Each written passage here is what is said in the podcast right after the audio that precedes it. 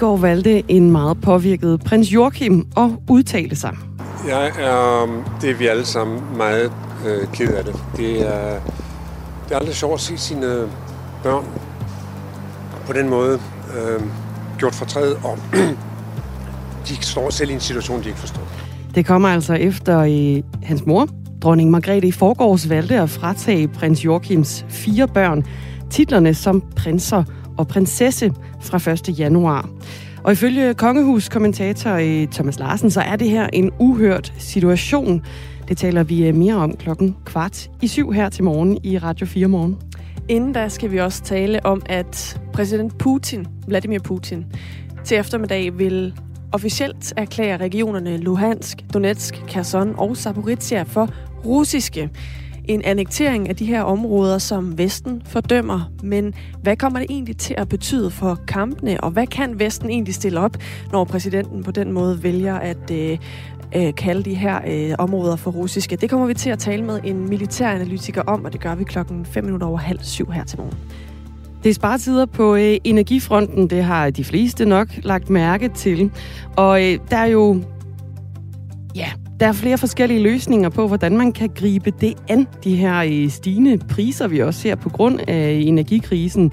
Og i Haderslev Kommune, der beder man nu borgerne om hjælp. Her der kan de øh, byde ind med idéer til energisparetiltag til kommunen. Og vi taler med borgmester med Skav om, hvilke forslag, der rent faktisk bliver til virkelighed. Det er om øh, cirka et kvarter. Der er alle mulige ting på menuen her til morgen, hvor vi sender tre timers aktualitetsradio til dig. Tak fordi du har tændt her til morgen af Radio 4 Morgen med Dagmar Eben Østergaard og Anne Philipsen. Klokken er 7 minutter over 6. Godmorgen. Radikale Venstres leder Sofie Karsten Nielsen har ikke lagt sig fast på, om hun vil støtte en rød eller en blå statsminister. Også selvom der jo potentielt set, og i nogle tilfælde mener man også, det er sandsynligt, at der kan være et valg lige om hjørnet. Men radikale venstre bør ikke gå ind i en regering med de borgerlige partier. Så lyder øh, advarslen for dig, Asger Baunsbak Jensen. Godmorgen.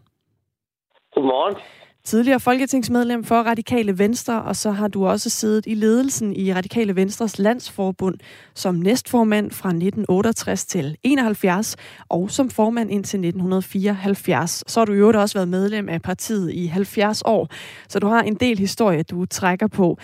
Hvorfor mener du, det er en dårlig idé, hvis Radikale Venstre går i regering med de borgerlige partier? Det radikale venstre har altid været i midten af dansk politik, og de har aldrig haft noget held med at samarbejde med Venstre og Konservative. Partiet er nu fra 1905, ja, så er det jo altså øh, 117 år. Og kun fem år af de 117 år har radikale samarbejdet med Venstre og Konservative, og det er gået galt begge gange. Den ene gang var med Hilmar Bavnsgaard som statsminister. Det gik fra 27 mandat til 7 på 6 år. Og den anden gang var Niels Helve Petersen med skytter. Og det gik tilbage og blev det mindste parti stemmemæssigt, det nogensinde har været. Men det er jo også øh, en del år siden begge tilfælde, så kan der ikke være øh, løbet øh, ekstra nyt vand under broen i forhold til også, hvad Blå Blok står for i dag, som gør, at ideen om at samarbejde med Blå Blok, hvis det er det, partiet vælger, faktisk godt kan fungere? Jeg tror det ikke, for man skal huske, det er ikke bare et samarbejde med Venstre og Konservative. Vi har nye borgerlige, og nu har vi fået Støjbergs nye parti, som vælger vælgerne samler sig om. Det bliver et meget borget arbejde, det der skal gøres. Jeg tror ikke på, at det er løsningen. Vi inviterer lige en stemme mere ind i den her samtale, og det er øh, dig, Charlotte Amdi Burgess. Godmorgen. Godmorgen. Medlem af Radikale Venstres hovedbestyrelse og også folketingskandidat i Nordjyllands Storkreds. I Radikale Venstre, der er I jo, som vi taler om her til morgen, åbne for at pege på både en rød og en blå statsminister. Men kan du følge Asger Bavnsbak Jensens bekymring for, at det kan gå jeres parti dårligt, hvis I peger på en blå statsminister efter næste valg, eller ved næste valg? Altså nu vil jeg sige, nu havde jeg ikke, øh, jeg har ikke så godt styr på, på hvad hedder det, historien, som Asger han har øh, af gode grunde, men jeg var da lige inde og tjekke lidt op på tallene. Asger siger godt nok, at det gik væsentligt ned ad bakke, efter vi havde haft en VKR-regering, men hvad jeg kan se, så efter det første valg, der var efter VKR-regeringen, der fik vi faktisk øh, det samme gode valg, som vi havde haft inden regeringen blev dannet. Så det er ikke helt, det er ikke helt sådan et entydigt billede, der danner sig af, hvordan det går os. Og jeg vil også sige omvendt, øh, da vi havde øh, været med i en SSF-R-regering øh, her fra 2011 til 2015, der gik vi faktisk tilbage øh, fra 17 mandater til 8 mandater. Så jeg vil sige, jeg synes ikke, det er så klart og entydigt, øh, hvad resultatet bliver, øh, afhængig af, hvilken øh, regering man har været i. Og som sagt, så synes jeg, at man skal holde sig åben for, for et samarbejde på begge sider. Øh, vi har jo talt for øh, at skulle have en regering, som både øh, består af folk fra, fra partier fra, fra venstre side af salen og fra højre side af salen i Folketinget. Øhm, og det betyder jo så også, at vi kommer til at, at, at arbejde sammen med, med nogle partier, øh, venstre eller konservativ. Så jeg er sådan set ikke så bange for, for den form for samarbejde. Asger Bavnsbak Jensen, du siger jo, at det radikale vælgere generelt er tættere på Socialdemokratiet, og at de derfor også vil straffe radikale venstre, når de går i regering med borgerlige partier. Hvad baserer du det på? Ja, sagen er den, at hvis vi går tilbage til Hilmer Bavnsgaard, jeg lige, det vil lige komme med en kommentar der, så gik det fra 27 mandater i 1971 så kom Glistrup og reagerede på den borgerlige regering og skabte store ravage i 1973. Og i 1977 var de radikale nede på en 6-7 mandater. Det er det, jeg ser som et udtryk for, at dem, der stemmer radikalt, er ikke socialister, og de er ikke borgerlige.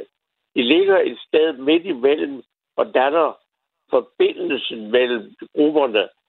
Og så vil jeg sige, kan man danne en regering med Socialdemokrater, og måske også Moderaterne, og så Venstre, jamen så og så de radikale med i den regering, så er det jo helt i all right.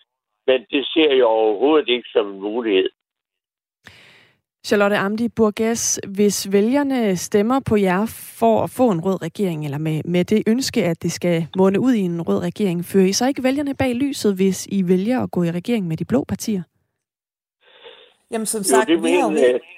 Nå. Ja, jeg får lige, har, du får lov til at svare, Charlotte Amdi Burgess. ja, ja vi, har, vi, har, vi siger jo netop i øjeblikket, at vi ønsker den, den, øh, den brede regering hen over midten, øh, fordi at, at der er nogle kriser, vi står overfor, som vi mener kræver et, øh, et bredt flertal og en løsning hen over midten. Øhm, altså, man kan sige, jeg synes, der har været utrolig mange øh, eksempler på her øh, under den øh, socialdemokratiske regering, øh, som har ført en politik og har opført sig på en måde, som gør, at jeg ser det meget, meget svært at gå ind i en regering. Jeg ved godt, at det har Sofie Carsten Nielsen også talt for, at vi kan gå i regering igen med Socialdemokratiet alene. Men jeg må sige, jeg synes, den måde, Mette Frederiksen hun har øh, varetaget sit embede øh, på, at det er ikke noget, jeg synes er hensigtsmæssigt, at vi går, kan gå ind i. Altså, hun har udvist en magtfuldkommenhed, og det er også det, vi har ønsket øh, på den baggrund. Vi ønsker, at hun udskriver et valg. Og jeg er bange for, at øh, selvom hun, øh, øh, vi kommer ind i regeringen også, og der kommer flere med, så det ikke bliver en etpartiregering, så er jeg bange for, at det er en måde øh, at bedrive øh, magten på, som ikke vil ændre sig, øh, selvom vi bliver flere rundt om bordet. Kunne I også forestille jer, Charlotte Amdi Burgess, at pege, på, altså pege direkte på Jakob Ellemann Jensen eller Søren Pape Poulsen frem for Mette Frederiksen? Altså nu vil jeg sige, at i øjeblikket er det, er det svært at, at se det fælles projekt, øh, desværre, øh, hos Venstre og Konservativ. Og de har jo lidt, de har også svært ved øh, at, at mellem sig at blive enige om, øh, hvem, hvem det er, der skal være øh, hvad hedder det, øh, statsministerkandidat. Det vil de jo sådan set øh, begge gerne. Så det ville selvfølgelig have været, have været bedre, hvis vi havde set en, et, et fælles projekt øh, over, mm. på, øh, over på højrefløjen. Og jeg vil da også give, give Asger ret i, at det er, da, det er da problematisk, at man kan komme til at være afhængig af mandater fra nye borgerlige... Øh, Men betyder det, det, at I er klar til at pege på enten Venstres eller konservative statsministerkandidat frem for Mette Frederiksen? Hvis de, hvis de præsenterer et projekt, som vi kan se os selv i, så kan jeg ikke se noget problem i det. Asger Bavnsbak Jensen, vi har fået en sms øh, ind i på vores øh, sms-inbox, som er 1424, og hvor man øh, som den, der lytter med, kan få lov til at stille spørgsmål ind. Og der skriver Rasmus Kaiser, hvordan kan de radikale være i midten af dansk politik, og så kun pege på en rød regering? Sagen er den, at hvis man får en bred regering, som vi begge to ønsker, så kan man få en regering med Venstre og at Socialdemokrater og Radikale, og formodentlig også Moderaterne, hvis de kommer i Folketinget. En sådan bred regering vil være allerbedst til at løse det helt store problem med klima og med de stærkt stigende priser og inflationen. Hvis man kan gennemføre det, så er det det bedste. Men hvis ikke det er en mulighed, altså hvis øh, ikke at den her øh, brede regering, det her samarbejde hen over midten, er en realistisk mulighed, er det så ikke bedre, at radikale venstre går for eksempel med i en borgerlig regering, hvis det er der, man kan få mest radikal politik igennem, frem for at vælge en socialdemokratisk regering, hvor man måske, hvis det er der er tilfældet, ikke får lige så meget af sin radikale politik igennem? Det store problem, det er frisindet. Og hverken Venstre, Konservative eller Socialdemokraterne er til at hugge et stik i, når det gælder frisind over for indvandrere og folk med en anden religiøs og kulturel baggrund end den danske. Der ligger et af de helt store problemer, fordi de radikale er et frisindede parti mere end noget andet. Charlotte Amdi Burgas, vi har også fået en sms øh, målrettet dig. Det er Mariem, der skriver, det er mig en gåde, at radikale venstre har den tanke om at støtte en blå regering, for ingen i blå blok vil samarbejde med dem. Mener du, at der er grundlag for et samarbejde med blå blok, hos, som, øh, som det politiske landskab er i dag? Nej. Jamen altså, det kommer jo til... Det, det, det vil jo bero på, at når, når, når, hvis, det, hvis Venstre og Konservativ kan fremlægge et, øh, et forslag til, til et regeringsprogram, om vi kan se os selv i det, øh, eller ej. Altså når det kommer til frihed, så vil jeg netop sige, som Asger siger, jeg synes, vi har set en regering, der absolut ikke øh, har arbejdet for, for frihedsidealerne. Så det kunne jo være, at øh, man Tror du, man vil opleve noget andet i en blå blok?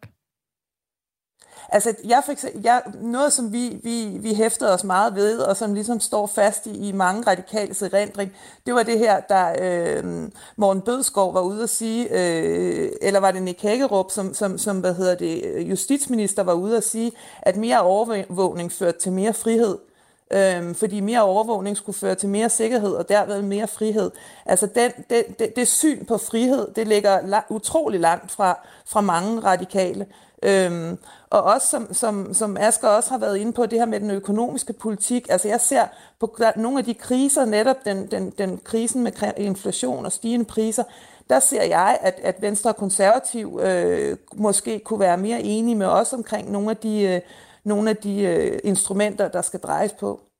Asger Bavnsbak Jensen, der lød et meget klart nej for dig, da jeg spurgte Charlotte Amdi Burgess, om der er grundlag for et samarbejde med Blå Blok. Kort her til sidst, hvad, hvad er det, der får dig til at sige så klart nej? Det er, at de radikale står for økonomisk afbalanceret politik, og så står de navnligt for det, jeg kalder frisind. Det vil sige, jeg ved, hvor jeg står. Jeg lader de andre, der står et andet sted i frihed. Her kommer det til at spille en stor rolle, hvem vi kan samarbejde med. Vi må vente og se, hvordan det hele det udvikler sig, men tak fordi I var med her. Øh, tak til dig, Asger Bavnsbak Jensen, tidligere folketingsmedlem for Radikale Venstre, og også medlem af ledelsen i Radikale Venstres Landsforbund gennem øh, flere år. Og tak til dig, Charlotte Amdi Burgess, medlem af Radikale Venstres hovedbestyrelse, og også folketingskandidat i Nordjyllands Storkreds. Senere der tager vi øh, endnu en debat Energikrise, inflation og øh, sabotage på gasledninger ud for Bornholm, det er det bagtæppe, vi potentielt går ind i et øh, valg på. Altså de her dårlige historier, de står simpelthen i kø. Og i næste uge, der har Radikale jo varslet, at de vil vælte statsminister Mette Frederiksen, hvis hun ikke selv har udskrevet et valg senest på tirsdag. Men er det egentlig en god idé overhovedet med et folketingsvalg lige nu? Det er en øh, debat, vi runder senere på morgen. Det er klokken cirka kvart i 8. Her har vi øh, Jens Rode med, som er løsgænger i Folketinget. Han synes ikke, det er tid til et valg i de her dage. Michael Åstrup Jensen fra øh, Venstre er også med. Han er udenrigsordfører for partiet, og han mener altså, at det er på tide med et valg. Det runder vi senere på morgen nu klokken 20 minutter over 6. Vi skal alle sammen spare på energien, lyder opfordringerne i hjemmet, blandt øh, virksomheder og også i kommunerne. Og der er flere eksempler, gode og dårlige, på hvordan man kan komme igennem energikrisen. Nogle af dem har øh, vi været igennem her i programmet, og vi tager lige øh, rundturen omkring et par stykker. Vi starter i den dårlige ende, fordi danske beredskaber og sekretariatchef Bjarne Nigård har nemlig set sig nødsaget til at advare imod at tage kuglegrillen med indenfor for at holde varmen. Sådan en kuglegrill, den er jo ikke lige øh, skabt til at lave varme i øh, små lejligheder eller i en, øh, en stue med mange møbler. Stigende varme- og elpriser, de rammer ikke kun øh, hjemme i privaten. Det kan nemlig også mærkes hos de små erhvervsdrivende landet over. Og her der begynder nogle butikker at indføre energitillæg, altså lægge en lille ekstra pris oven i de almindelige priser øh, på grund af de stigende priser. Det har man øh, blandt andet gjort i bageriet Håbet i Jøring, hvor Christina Boelt Hjortholm er medejer. Vores erhverv øh, bløder, fordi at alting bare stiger, både på råvarer øh, og afgifter til staten, men bestemt også øh, på elpriserne. Så er der også idéerne i den øh, mere kuriøse ende, kan vi kalde det. Knald for ty er navnet på en ny kampagne fra Tisted Handels- og Industriforening. Kampagnen den opfordrer tyboerne til at slukke for lyset en time hver onsdag for at spare på energien. Og i den time, der kan man jo øh, meget passende knalde for ty, siger handelschef Michael Vendelbo. I stedet for bare at sidde i bulder mørke, så kunne man jo lige så godt gå ind øh, og få varmen på en, øh, på en anden måde. Var altså øh, ordene herfra.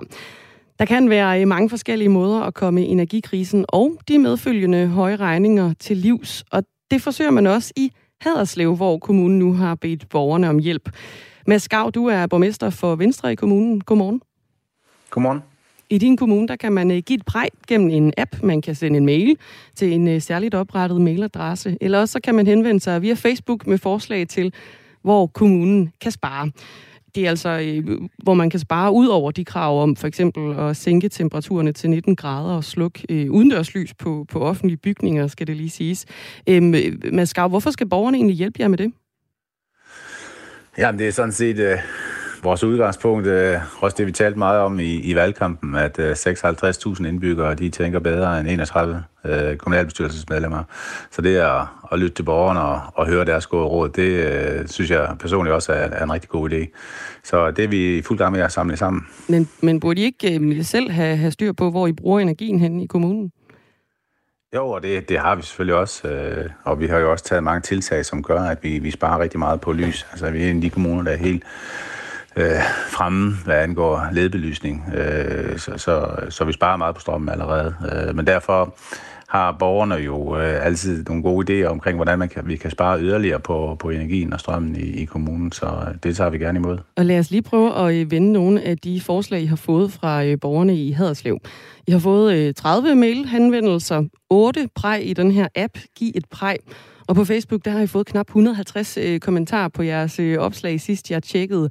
Og øh, vi runder lige et par stykker af dem fra øh, Facebook her. Øh, der er en, der foreslår, at man skal slukke for alt den spotlys på fodboldbanen ved Idrætscenteret. Øh, der er en, der spørger, hvorfor skal der være lys på dag og nat? En anden siger, sluk hver en gadelygte.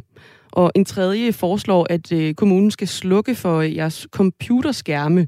Mange står tændt hele natten, og flere steder er lysene også tændt på jeres kontor. Øhm, der er selvfølgelig mange flere af de her øh, forslag. Der har jo været 150 øh, kommentarer. Øhm, hvad for nogle konkrete forslag fra borgerne har I taget fat i, Mads Skav? Ja, først og fremmest har vi jo taget fat i, i de anbefalinger, der er kommet fra regeringen og KL, om at, blandt andet om at sænke temperaturen til, til 19 grader i, i offentlige bygninger. Det, det har vi sådan set allerede gjort. Det tror jeg også rigtig mange andre. Jeg vil hellere høre øh, om dem, I har taget fat i fra borgerne. ja, netop ja. Men, men, men, men, men der er også nogle af dem, der kommer igen der selvfølgelig. Mm. Og, og dem fra borgerne, dem øh, øh, kigger vi jo på nu, og, og nogle af dem... Øh, Altså eksempelvis øh, julebelysningen, den er jo ret aktuel lige nu, og den har borgerne rigtig mange bemærkninger til. Også at vi ikke skal spare på den, øh, og øh, øh det, det, det vi nok lægger op til, det er, at vi i hvert fald skærer ned på julebelysningen, og, og bevarer julebelysningen i et eller andet omfang. Vi skal jo også passe på, at det ikke bliver alt for mørkt det hele. Og så er det det med... Øh, med øh, vejbelysningen. Og, og der skal vi også bare huske på, at det, at vi har vejbelysning, det øh, reducerer jo ulykker med, med 40 procent rent faktisk i forhold til Vejdirektoratens øh, faktaark. Så derfor er det vigtigt, at vi lige samler sammen og, og, og får beregnet på tingene. Både øh, eksempelvis ulykkesfrekvens, men også hvor meget øh, er det i kroner og øre egentlig, når nu vores øh, belysning allerede blev belyst på en måde, hvor det sparer rigtig meget. Så, så, så der er flere hensyn, der hele tiden skal tages, så vi ikke bare farer ud og, og slukker for alt lyset. Det er ikke Hva, sikkert, at, at det er klogt. Hvad det spotlys der på fodboldbanen ved Idrætscenteret, som til synligheden står, står tændt øh, nat og dag? Det, det lyder da som et oplagt sted at spare. Øh, og det er jo sådan noget, som, som vi lige skal gå i, gå i dybden med. Hvorfor er det det? Altså det er, og øh, hvad er øh, kommunens andel øh, af det? Fordi øh, det har jo nok noget at gøre med, at vi har elitesport i, i Haderslev. Øh, Sønderjysk øh, skal jo gerne op i øh, Superligaen igen, og så nytter det ikke noget, at de ikke har noget græs at spille på. Så det kan jo være sådan nogle årsager til det, men, øh, men det kan måske gøres på, på en billig måde, og det er måske lige tiden nu, at vi tænker på, hvordan, hvordan gør man det bedst og billigst. Er der egentlig kommet nogle øh, overraskelser blandt de her forslag, der er tækket ind fra borgerne? Ja, at vi skal slukke for kaffemaskinerne på rådhuset, fordi nu har jeg jo hele tiden sagt, at øh, ja, man kan altid få en øh, kop kaffe med mig. Øh, så, så det ville da være træls, hvis der nu ikke var kaffe i maskinerne måske. Men, men, men altså, det er også noget, der skal regnes på. Altså, hvad koster det at holde øh, dem tændt? Altså, alle de her små øh, gode idéer, de kan jo godt øh, give, give øh, et godt tiltag på den lange bane, så, så derfor skal, skal det også undersøges. Men, men, men det er i hvert fald overraskende, at... Øh, at der er så mange, der kommer ind, og jeg har jo også øh, lovet, at øh, det bedste forslag hver måned, det bliver kåret, så, så det skal jeg jo også lige have fået en gave frem til. Øh, for jeg tror i hvert fald, at det kan også være med til ligesom at, ja, det vil vi da være med i det her, så man ligesom laver det lidt til en, en, en folkesport, at vi får sparet på energien på, en, på en klog måde. Det lyder og, ikke og det som om det er vedkommende, der får slukket kaffemaskiner, der, der vinder den øh, præmie der med Skav. Du skal have tak, fordi du var med her i øh, Radio 4 Morgen, borgmester i øh, Haderslev for Venstre. Klokken er 27 minutter over 6 denne fredag morgen. Og lad os lige følge op på øh, en af de seneste udviklinger i sagen om gaslækagen i Østersøen, fordi Energistyrelsen har nu været ude og bekræfte, at der øh, er fundet et fjerde øh, eksempel på gaslækage netop i Østersøen. Det jeg kan sige er, at det er et læk på øh, det rør i Nord Stream 2, som i forvejen var beskadiget øh, lægget er i, i svensk økonomisk zone. Det er Christoffer Bøtsvav, der er direktør i Energistyrelsen, som øh, fortæller her. Det betyder så, hvis vi sådan lige skal gøre status, at der stadig er øh, et gasrør på Nord Stream 2, gasledningen, som er intakt. Og det er fordi, at hver af de her Nord Stream-forbindelser, de har to gasrør. Men øh, det fjerde ligger er altså sket, som vi også hørte her, i øh, Sveriges økonomiske zone. Og på Nord Stream 1, der er det begge rør, hvor man har fundet lækager. Der har man fundet et i Danmarks zone og et i Sveriges zone.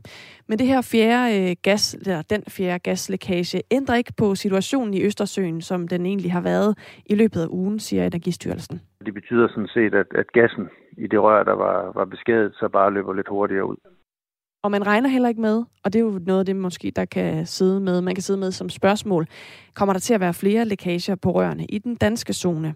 Det regner man ikke med hos Energistyrelsen. Det læg, der så er blevet registreret i, i den svenske zone, ligger meget tæt på, på de øvrige læg, der er på Nord Stream 1. Øh, og derfor så, så har det været sværere at, at registrere de her. Det er også et mindre læg end, end dem, der er set før. Øh, og øh, danske forsvar og søfartsmyndighederne holder selvfølgelig øje med, øh, om der skulle komme andre læk. I forbindelse med de her lækager på øh, Nord Stream 1 og 2 gasledningerne, så kom det jo også frem, at norske boreplatforme, de har haft øh, besøg af uidentificerede droner, faktisk mm. gennem noget tid. Mm. Og i går, der kunne øh, Total Energies, der står for driften af det danske olie- og gasfelt, Halfdan B i øh, Nordsøen, fortælle, at man altså også har haft øh, ubudne gæster her. Mm det rumsterer altså rundt omkring øh, ved vores, øh, kan man sige, ret væsentlige øh, energiinfrastruktur. Øh, her til morgen, der forsøger vi også at løfte den her historie om øh, de uidentificerede droner og de her ubudne gæster, der har været omkring øh, Halfdan B i Nordsøen. Vi forsøger blandt andre at få fat i Andreas Grå, som er øh, droneekspert, og så er han også adjunkt på Institut for Militærteknologi ved øh, Forsvarsakademiet. Til lige at sætte et par ord på, hvad er det egentlig, der rumsterer? Hvad ved vi? Hvad ved vi ikke om de her øh, droner, der har været omkring øh, olie- og gasfeltet Halvdan B? Der er mange mystiske ting ved det her, og derfor selvfølgelig også mange spørgsmål, som man gerne vil have svar på. Vi håber, det lykkes i løbet af morgenen. Indtil videre, der får du en nyhed, et nyhedsoverblik. Det kommer her klokken halv syv.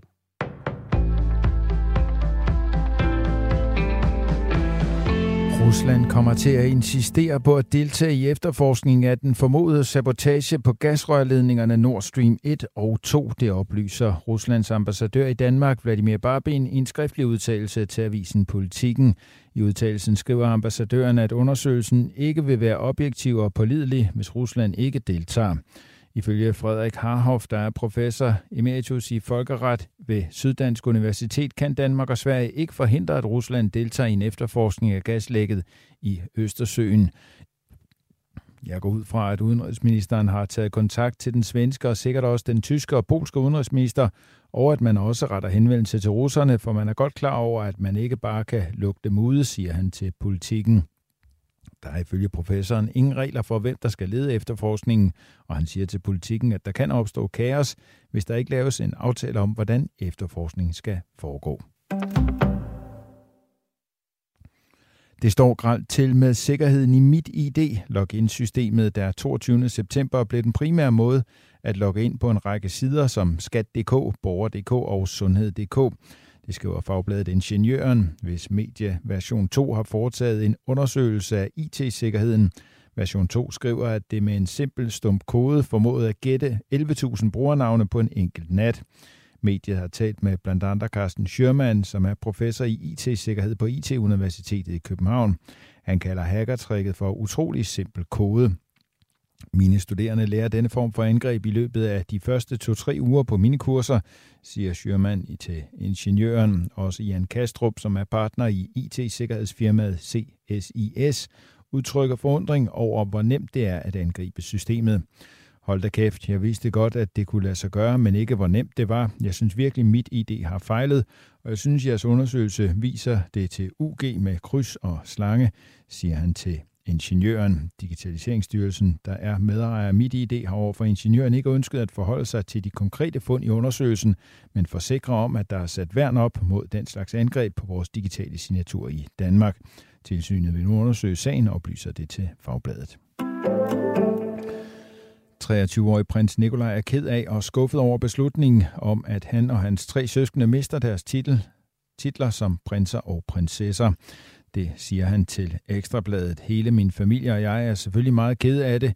Vi er, som mine forældre også har udtalt, i chok over den her beslutning og over, hvor hurtigt det i virkeligheden er gået, siger han.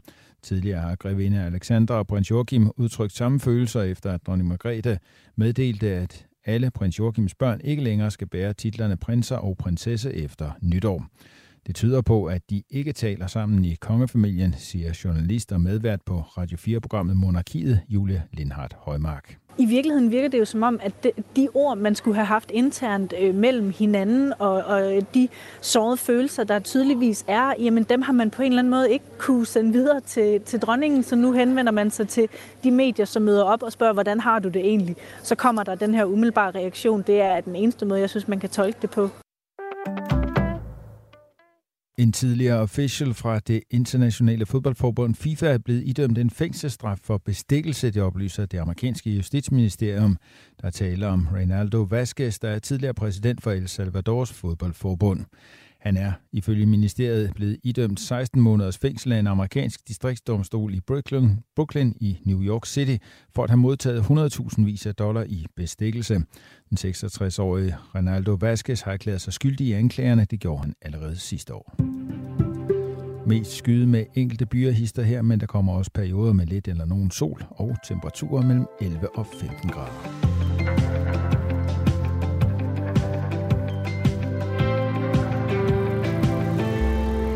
Der er i krise i det danske kongehus, efter dronning Margrethe har valgt at fratage prins Joachims fire børn titlerne som prinser og prinsesse fra øh, nytår. Det er altså en øh, beslutning, som ikke er faldet i god jord hos øh, prins Joachim, som har udtalt sig til Ekstrabladet.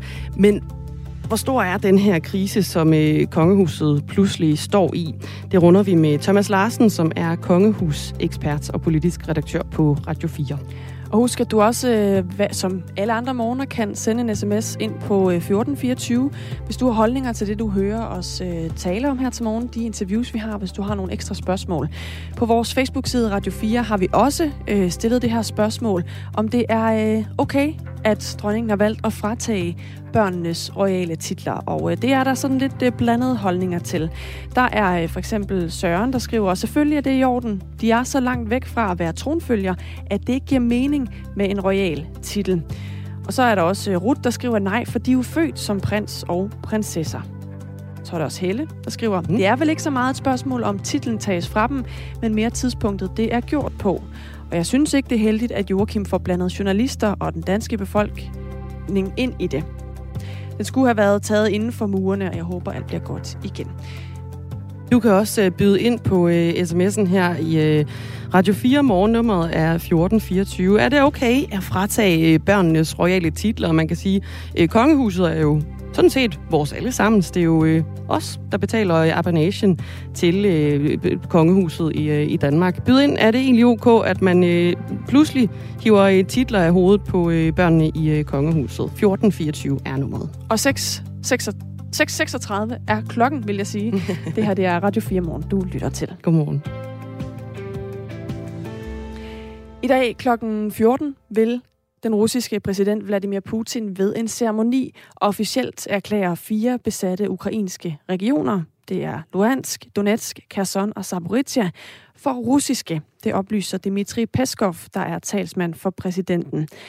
Det sker efter, at der i de her fire regioner er blevet afholdt folkeafstemninger om at tilslutte sig Rusland. Men det er også afstemninger, som Vesten har fordømt, og Vesten anerkender heller ikke, at regionerne reelt tilhører russerne.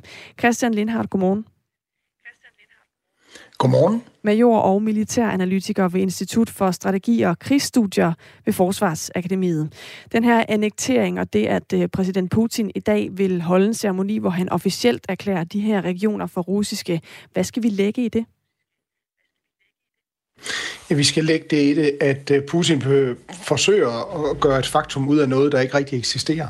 Han, øh, han opnåede ikke succes på slagmarken, og derfor forsøger han nu at, øh, at lave en eller anden form for, for, for stilt succes over for sin egen befolkning. Jeg tror ikke, Putin han har nogen drøm om, at øh, resten af verden vil anerkende det her, men det kan ske, at han kan få den russiske befolkning med på ideen. Og hvad vil det så kunne øh, få af betydning, hvis det lykkes ham at få den russiske befolkning med? Ja, så vil han stå lidt mindre svagt, end han øh, efterhånden er begyndt at gøre øh, hjemme i Rusland. For med, med den måde, krigen er gået på, og den øh, seneste mobilisering, som han er blevet nødt til at iværksætte, så er han ikke helt den samme Putin, som vi, vi kendte ham for syv måneder siden. Han sidder ikke helt så stærkt, som han gjorde.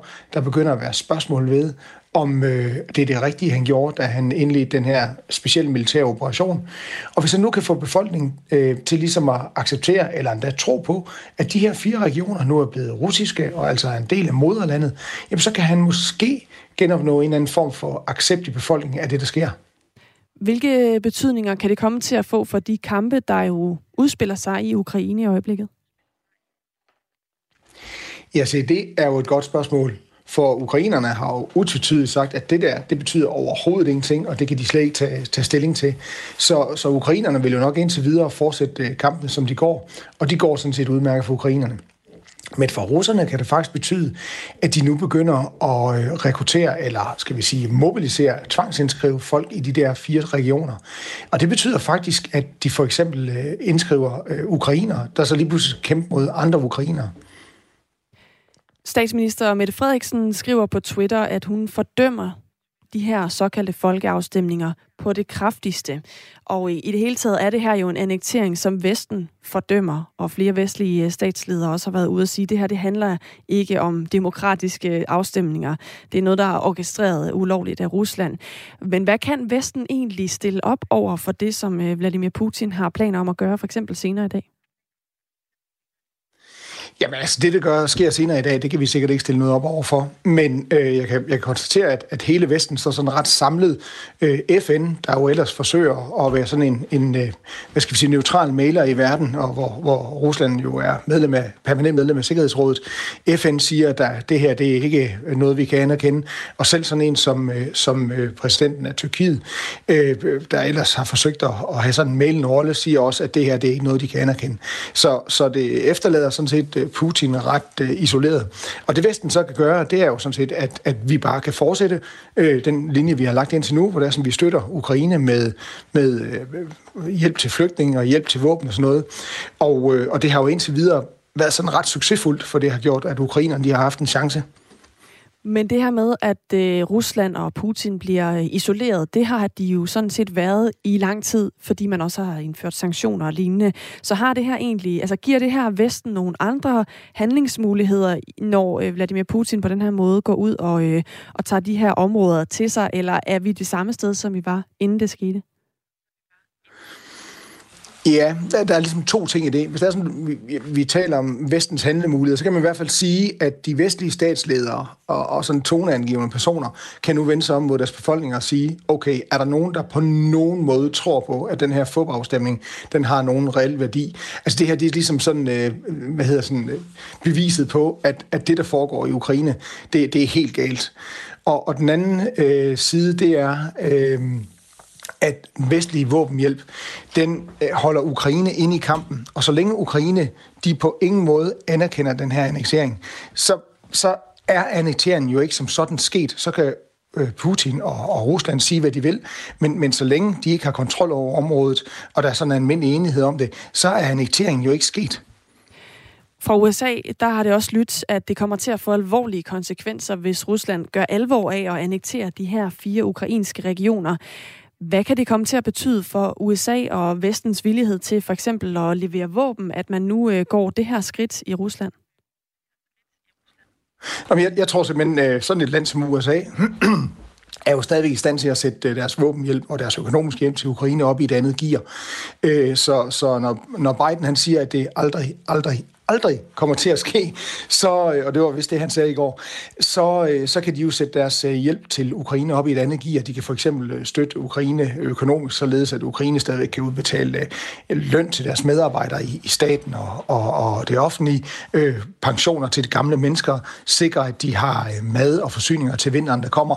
Fordi øh, nok har øh, Ukraine klaret sig hen over sommeren og foråret, men det er fordi, at det har været en god periode. Nu kommer vinteren og efteråret, efteråret og vinteren. Og det er altså en hård periode nede i det område. Det er det i øvrigt også for Rusland. Så, så med hensyn til de spørgsmål lige før om, at, at, at Rusland har klaret sanktionerne, jo, men, men lad os lige se, hvordan det går, når nu vinteren kommer, for det er altså en barsk affære. Vi har fået en sms fra Jesper, der spørger, hvordan forholder Kina sig til de her afstemninger? De må da også snart blive lidt tosset på Rusland. Ved du egentlig det, Christian Lindhardt, major og militæranalytiker? Altså Kina, de, øh, de forsøger jo virkelig at dukke kuglerne her. De øh, sidder på hegnet og, og, og hopper ligesom ikke ned på hverken sådan rigtig Ruslands side, øh, men heller ikke sådan rigtig vestens side. Øh, Kina forsøger ligesom at være Kina. Og, og indtil videre, så, så forsøger de ja, langt hen ad vejen nærmest at ignorere det, der foregår. Og det tror jeg sådan set, de bliver ved med. De har, de har vel egentlig haft sådan en ok succes med at, at lade være med at tage stilling til det, der foregår. Så får de noget billig energi fra Rusland, og, og på et tidspunkt, så kan de jo også begynde at eksportere nogle ting til Rusland. Og, så, så jeg tror egentlig, Kina de bare prøver på at gemme sig lidt hen i hjørnet, og lade være med at sige noget, og så udnytte situationen øh, så, så godt, som de overhovedet kan. Det er jo som med den her krig i Ukraine, at hver gang der sker et nyt markant træk, så taler man også om atom krig, altså risikoen for en atomkrig, eller for, at der bliver brugt atomvåben. I din vurdering, hvilken betydning har det så for en potentiel brug af atomvåben, hvis kampene også kommer til at brede sig til de her øh, fire regioner, i lyset af, at Rusland jo fra i morgen betragter det som russisk jord, altså kan det få en betydning for, hvordan man så vil agere i hele det her atomspørgsmål? Ja, altså det er jo, det er jo værd at bemærke sig, at, at øh, alle fire øh, regioner, der, de er jo delte.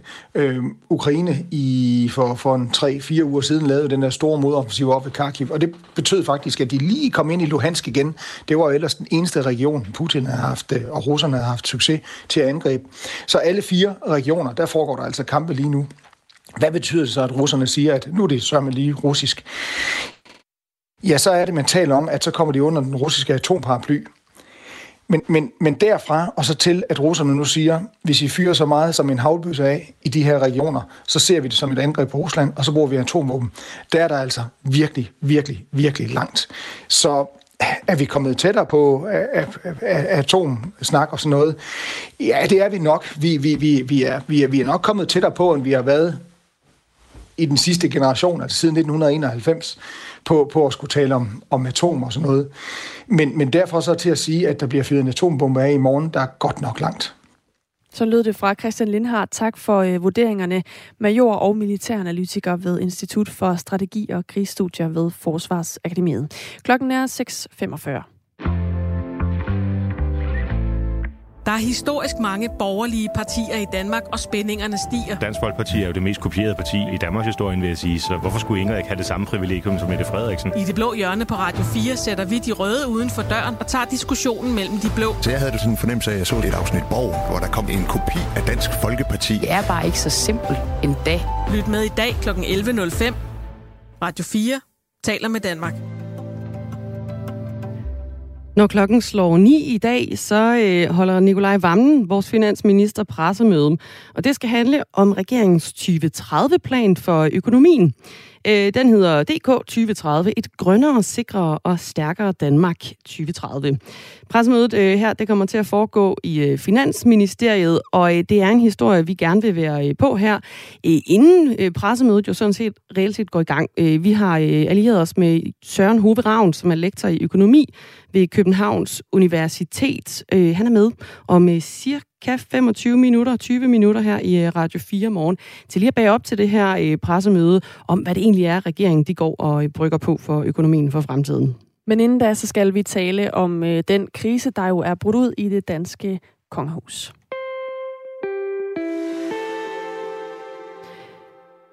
I forgårs valgte dronning Margrethe nemlig at fratage prins Joachims fire børn titlerne som prinser og prinsesse fra nytår. Og det er en beslutning, som ikke er faldet i god jord hos deres far, prins Joachim. Ekstrabladet fangede ham i går, og det var en øh, meget berørt prins Joachim øh, ude foran den danske ambassade i Paris. Jeg er, øh, det er vi alle sammen meget øh, ked af det. Det er, det er aldrig sjovt at se sine børn på den måde øh, gjort fortræd, og de står selv i en situation, de ikke forstår. Beslutningen skulle ifølge prins Joachim, øh, eller ifølge kongehuset, have været, øh, prins Joachim skulle ifølge kongehuset, hedder det, have været øh, bekendt med den her beslutning siden maj. Men øh, det er altså ikke sådan, det hænger sammen ifølge prins Joachim selv, siger han til Ekstrabladet. I maj øh, fik jeg forelagt en plan som i det store hele gik på, at når børnene hver især fylder 25, så ville det ske.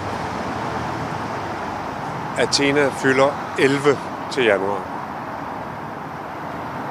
Jeg fik fem dages varsel på det her sagde altså i prins Joachim i går til Ekstrabladet, og det var foran den øh, danske ambassade i øh, Paris. De havde fanget ham, og øh, det var også derfor, der var en smule vejstøj i baggrunden. Thomas Larsen, godmorgen.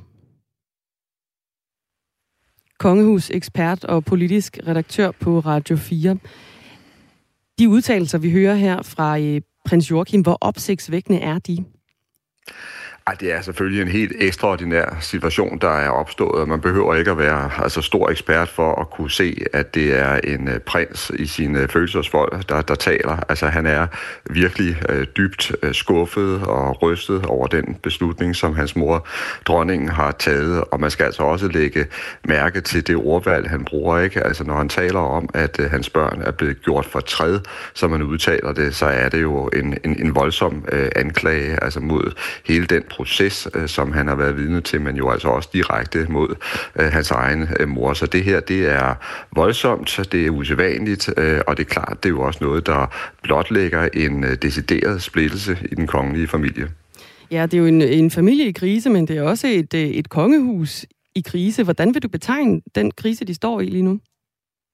Jeg synes, det er en af de øh, største kriser, en af de, sådan, det er et af de voldsomste opbrud internt i den kongelige familie, vi har været vidne til. Og det eneste, jeg sådan kan komme på, der måske kan sammenlignes lidt, øh, det har været, altså når vi ser tilbage og kigger på de situationer, hvor øh, prins Henrik, dengang han stadigvæk levede i, i flere omgange, sådan gik ud i pressen og gav udtryk for sin enorme frustration over, at han ikke følte, at han blev anerkendt øh, tilstrækkeligt, og han ikke følte, at han havde den rigtige placering i, i kongehuset. Det er vel det, der kommer nærmest.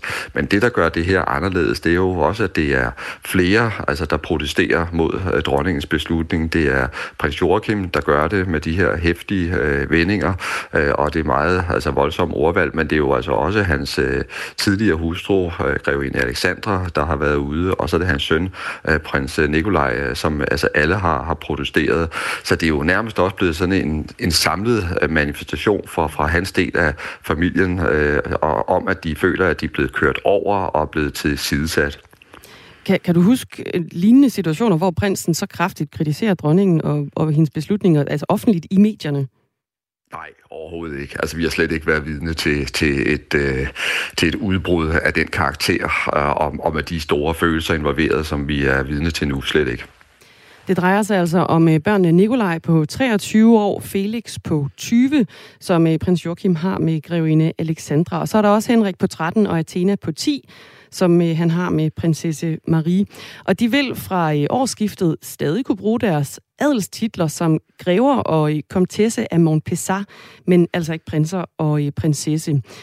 De fastholder øh, stadigvæk også deres øh, pladser i, øh, i arvefølgen, skal det lige siges her også. Og øh, prins Nikolaj har også været ude og udtale sig, det var også til Ekstrabladet, at han er i chok og skuffet over dronning Margrethes beslutning om at fratage titlerne fra ham og øh, hans søskende. Dronning Margrethe har også været ude og øh, forklare sig. Øh, det var i forgårs, hvor hun øh, henvendte sig til, eller øh, TV2 fangede hende på vej ind til et øh, arrangement på øh, Nationalmuseet, og hun blev spurgt til, hvorfor hun har valgt at fjerne deres titler. Det er en øh, overvejelse, jeg har haft øh, ganske længe, og jeg tror, at det vil være godt for dem i deres fremtid. Og det er det, der er årsagen også. Så det er for børnebørnenes skyld? Ja, selvfølgelig er det Og hun blev også øh, spurgt ind til øh, TV2, hvordan hun egentlig havde det med, at børnebørnene de føler sig udstødt på grund af hendes beslutning. Jamen, øh, det må man jo se, hvordan man... Jeg, kan, jeg, jeg har ikke selv set det, må jeg sige øh, Thomas Larsen, øh, der er kommet sms'er ind. Vi har spurgt lytterne, hvad de egentlig øh, mener om, øh, om, at dronningen har, har fjernet titlerne. Er det okay? Øh, Katarina mener, at øh, titlerne bør fjernes fra dem alle sammen. Hun synes i øvrigt ikke, vi har brug for et, et kongehus. De koster os bare penge, intet andet, skriver hun på 1424. En anden lytter skriver, det er en, der ikke har skrevet sig under med et øh, navn. Dronningen har gjort det rigtige, da Frederik ellers skulle, øh, da Frederik ellers skulle stå med en rigtig træls opgave. Men det kunne åbenlyst godt have været håndteret bedre, især i internt. Øh, kunne den her situation have været håndteret bedre fra kongehusets side? Det må man jo kun kunne sige ja til, altså som det er nu, fordi det er klart, at alt det her, det er faldet på gulvet med et brag simpelthen, og øh, vi har den her fuldstændig åbenbare krise, som vi alle er vidne til, og kan se, at det er en øh, splittet øh, familie, øh, der optræder i, øh, i medierne lige nu. Så ja, det kunne med garanti have været håndteret øh, bedre, men altså hvordan, det er jo så til gengæld svært at svare på, fordi det er jo også meget, meget tydeligt, at der er forskellige versioner af, hvad der er sket, og det er jo med til også at gøre situationen endnu mere øh, giftig. Fordi hvis vi ser på de øh, informationer, der er kommet fra kongehusets side, så lægger de jo vægt på, at prins Joachim rent faktisk, ifølge dem, har været meget involveret i den her proces og har været med i den siden øh, maj, hvor han fik præsenteret, hvad der skulle ske, og det hele taget har været inddraget undervejs.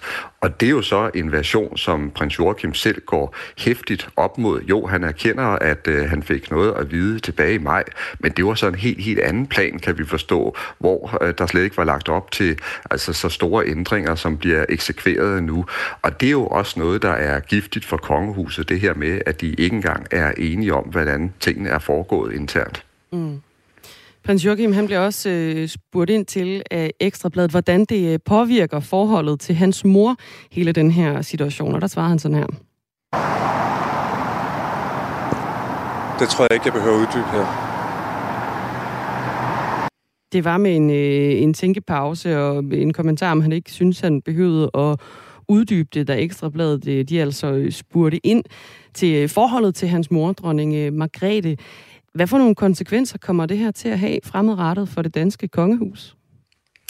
Det er et rigtig, rigtig godt spørgsmål, du, du stiller der, og jeg tror, at øh, det kommer til at afhænge rigtig, rigtig meget af, hvorvidt krisen her, den bliver meget kortvarig, eller om den bliver langvarig. Og det er klart, jeg tror, at der vil blive gjort alt for ligesom at få øh, fundet hinanden og prøvet at lave en slags våbenhvile, havde nær sagt, ikke, så man kan komme, komme videre. Men altså spørgsmålet er, om det kan ske i den her situation. Jeg er sikker på, at der er en masse kontakter, som vi ikke hører noget som helst om i offentligheden lige nu, altså mellem kongehuset og så øh, prins Joachim og hans øh, del af, af, af familien. Men altså, det er jo tydeligt, at øh, vi kan se en prins Joachim, som, øh, som er altså ulykkelig, vred, såret øh, over øh, det, der er, er, er sket, og, og, og derfor ved vi heller ikke, altså, hvornår han vil være klar til at acceptere øh, beslutningen, og måske også øh, sørge for, at de kommer til at kunne arbejde sammen i, i harmoni igen i, i familien. Øh, det siger sig selv, at hvis den her krise bliver langvarig, så kommer der virkelig til, altså, og så kommer der til at påvirke kongehuset, så vil der blive slået skov af hele husets popularitet, kan man sige, og jeg tror også, at det vil være et øh, forløb, der også vil slå skov af, af dronningens øh, popularitet. Altså, hun har jo stået her midt i et jubilæumsår, hvor hun har kunne fejre sine 50 år på tronen, og hun er blevet øh, hyldet for, for sin øh, præstation, øh, men, men, men den her sag, den er jo simpelthen braget direkte ind i jubilæumsåret, og jeg tror, der er nogle danskere, der vil sidde tilbage med følelsen af, at hun har været altså for hård øh, over for dele af sin egen øh, familie, og de vil tage afstand fra hende af, af samme grund. Selvom jeg mener, og det glemmer man lidt i situationen her, at hun faktisk har haft nogle ret gode argumenter for at lave den her slankning af kongehuset, som hun er i gang med. Dronningen har jo øh, to børn, der er også øh, kronprins Frederik, og der er en, der hedder Patrick, som skriver ind på sms'en, hvad med Frederiks børn? Alle efter Christian skal vel også have øh, taget deres titler, spørger han. Jamen, jeg tror, vi kommer til at se, at der virkelig kommer til at være en forskel, og det er jo også det, som øh, hele øh, den her ballade er udtryk for. Altså, fremtidens kongehus bliver på en helt anden måde bygget op omkring øh, kronprinsparet, og det vil sige selvfølgelig først og fremmest øh, kronprins Frederik og kronprins Mary. Og så bliver øh, prins Christian jo så den næste, som der vil være fokus på, og som vil få store privilegier, kan man sige, i kraft af den særlige position, han har, men som også vil få et stort ansvar, som han skal øh, løfte. Og så tror jeg også, at de øh, øvrige børn, de skal selvfølgelig på en anden måde ud og klare sig selv, men de vil jo være en direkte del af den nære, tætte kongelige familie, og det er vel i virkeligheden det snit, vi ser blive lavet, at det er den del af familien, der skal stå i spidsen for monarkiet, som skal bære ansvaret på deres skuldre, mens prins Joachim og navnlig hans børn altså bliver skubbet længere ud. Kort her til slut, Thomas Larsen. Hvad tror du, der bliver det næste, der kommer til at ske i den her sag? Som sagt, jeg er stensikker på, at der sker en hel masse i kulissen, som vi ikke kender til, og der bliver det helt afgørende, om de finder hinanden, eller om vi tværtimod ser ind i en langvarig familiestrid. Sagde Thomas Larsen, der er kongehus-ekspert og politisk redaktør her på øh, Radio 4, og der øh, tækker fortsat sms'er ind på øh, nummeret, der hedder 1424. Ja, Johnny fra Kalundborg skriver helt fint, de ikke har titel som kongelige. De har valgt nogle helt andre veje som normale danskere, og nu er de helt ude af folden. Må der kun på sigt kunne gøre dem mere frie, og så skal kongehuset heller ikke forklare sig på deres vegne. Men det kunne måske være sket lidt mere elegant, end det nu ser ud til.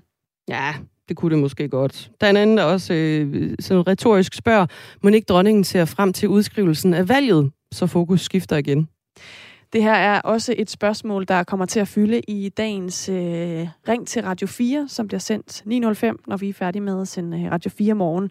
Der er det i dag spørgsmålet, om det her er synd for prins Joachim, og er det øh, rettidig omhu for kongehuset at skære ind til benet og fratage de her titler, eller er det uretfærdigt? Så øh, du må selvfølgelig stadig gerne deltage i debatten her, men du kan også deltage i debatten i Ring til Radio 4 i dag. Og lad os lige øh, blive det royale Ja. Men øh, på øh, britisk front. Ja. NBC News, de gik i breaking i går på Twitter. Nå, hvad de, er der nu sket? det er sådan noget, der allerede er sket, sådan set. Nå. Øh, de skrev, øh, breaking, Queen Elizabeth II died of old age according to her death certificate. Jeg har lige printet det ud her, så du kan, du kan se øh, ja. certifikatet. Dødscertifikatet. ja, dronning Elizabeth øh, Alexandra Mary Windsor døde øh, klokken øh, 10 minutter over øh, 3 i Skotland den 8. september. Altså, hun var jo 96 år gammel. Så jeg, ved ikke, jeg ved ikke helt, om jeg vil kalde den breaking. Nej. NBC News. Altså, hun er simpelthen død af alderdom, vil man vel sige på dansk. Ja. I en alder af 96 år. Nå, men så er det da i hvert fald øh, slået fast og offentliggjort. Skulle man have haft andre tanker om, hvad der kunne være skyld i dødsfaldet? Ja, så er det altså øh, hermed offentligt. Hun, det var alderdom, der øh, tog hende af, af dage. Hun blev altså også 96 år gammel og var den længst siddende monark øh, i nutiden. Hun sad på tronen i øh, Storbritannien i 70 år, intet mindre. Du lytter til Radio 4 morgen med Anne Philipsen og Dagmar Eben Østergaard. Thomas Sand, han er nyhedsvært klokken er syv.